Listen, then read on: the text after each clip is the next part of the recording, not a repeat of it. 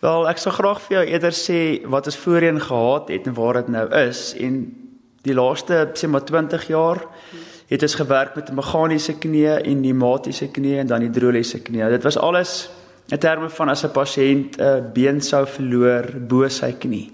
So ons probeer vir hom iets teruggee wat so naby as moontlik is aan wat hy gehad het. En daarom het dit dan nou verder geontwikkel in 'n ons noem dit 'n microprocessor in die unit. So dis 'n knie wat meer deur 'n rekenaar beheer word rakende sy beweging en sy veiligheid um, om dit dan vir die pasiënt op die einde makliker te maak om te kan loop. So dis omtrent so van die jaar 2004 of sou ek sê dit begin en dit het dan nou ontwikkel tot waar dit nou is. Hmm.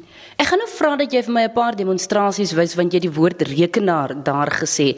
Nou dis bietjie skrikkerig vir my om te weet dat 'n rekenaar soort van in beheer is van my volgende beweging. So as jy gou kan verduidelik hoe presies werk dit? Ek gaan die verduideliking maar probeer eenvoudig hou want dit kan 'n langdradige verduideliking raak, maar dit gaan oor die feit dat as 'n pasiënt sou sy knie onder gewig buig, mm. sal 'n los skenier byvoorbeeld onder hom net uitswik. Met ander woorde, as hy op sy been sou trap in 'n gebuigde posisie, dan sal die been swik onder hom. Dit sal gebeur byvoorbeeld teen 'n afdraande of met as hy met trappies moet afloop, ehm um, of sy voet dalk haak aan 'n klip of iets, dan sal hy maklik val. So wat hierdie tipe knie nou doen as ek nou praat spesifiek van die Rio, daar was eers die Rio 1 en nou trek ons al by die Rio 3 en wat die Rio XC geword het is daar sou 'n vloeistof in hom wat ons noem die MR vloeistof. Dit staan vir 'n verskriklike naam.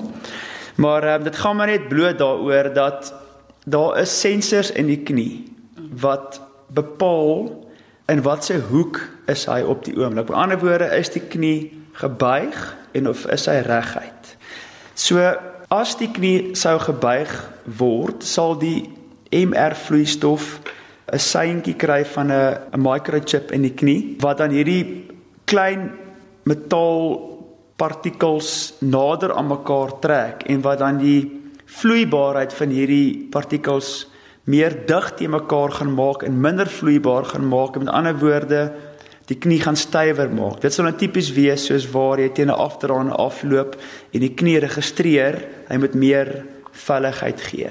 En byvoorbeeld waar die knie dan sou deur swaai wat is 'n vry swaai wil hê, sal die partikels dan nou weer meer losser wees van mekaar en dit sal 'n knie wees wat vinniger kan deurswaai sonder weerstand. Hoe gewild is hierdie gerekenariseerde ledemate want dit klink so dit is regtig waar die toekoms. Dit is definitief die toekoms en ek dink in die perfekte wêreld sou ons dit absoluut vir elke pasiënt gegee het. En wat mens ook moet besef is mens moenie hierna vaskyk as sy jong aktiewe mense, maar eintlik ook soveel te meer vir ouer mense want ouer mense het meer sekuriteit nodig en meer veiligheid nodig. So dit is definitief die antwoord vir ek dink vir amper elke boek nie uh amputee, maar ehm um, dit is ongelukkig nie in elkeen se finansiële moontlikheid om dit te bekostig want dit is baie duur. Jy het nou gefokus op die knie en ons het nou wel nie 'n demonstrasie daarvan hier nie, maar die hand. As ons nou kyk na elke individuele vinger, verduidelik ook gou hoe werk daardie proses want ek weet daar's 'n spesiale video wat ons ook sal wys. Ja, dit is ongelooflik om dit ervaar en te sien hoe dit werk want as ek weet waarvan daar wat gekom het wat die mense nog regtig 'n hoek gehad het, is daar nou dan 'n uh, ons noem dit 'n uh, myoelectric protese. Aan die ander woorde, dit is 'n 'n hand wat beheer word deur ons toets fisies die pasiënt voor die tyd. Ons plaas sensortjies op hulle stompie mm. om te bepaal waar tel ons die sterkste syne op. Nou die syne wat ons optel is letterlik van uh spiere wat jy kan beweeg binne in die stompie asof jy jou hand oopmaak en toemaak.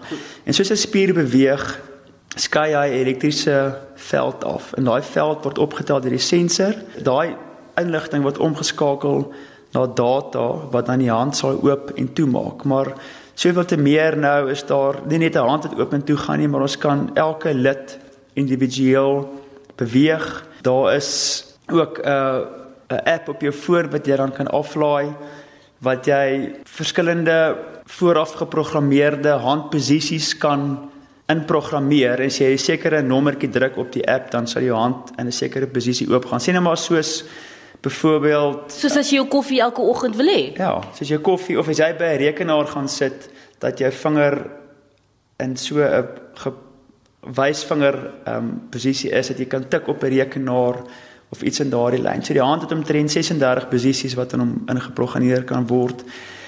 En dit is met baie min moeite wat dit gepaard gaan om dit dan nou te beheer. Vroeger was dit iets wat baie maklik in die kas opgeëindig het, want jy moet baie moeite doen om jou hand oop en toe te kry en nou is dit regtig iets wat tot jou bate is en nie net 'n las wat aan jou hang nie.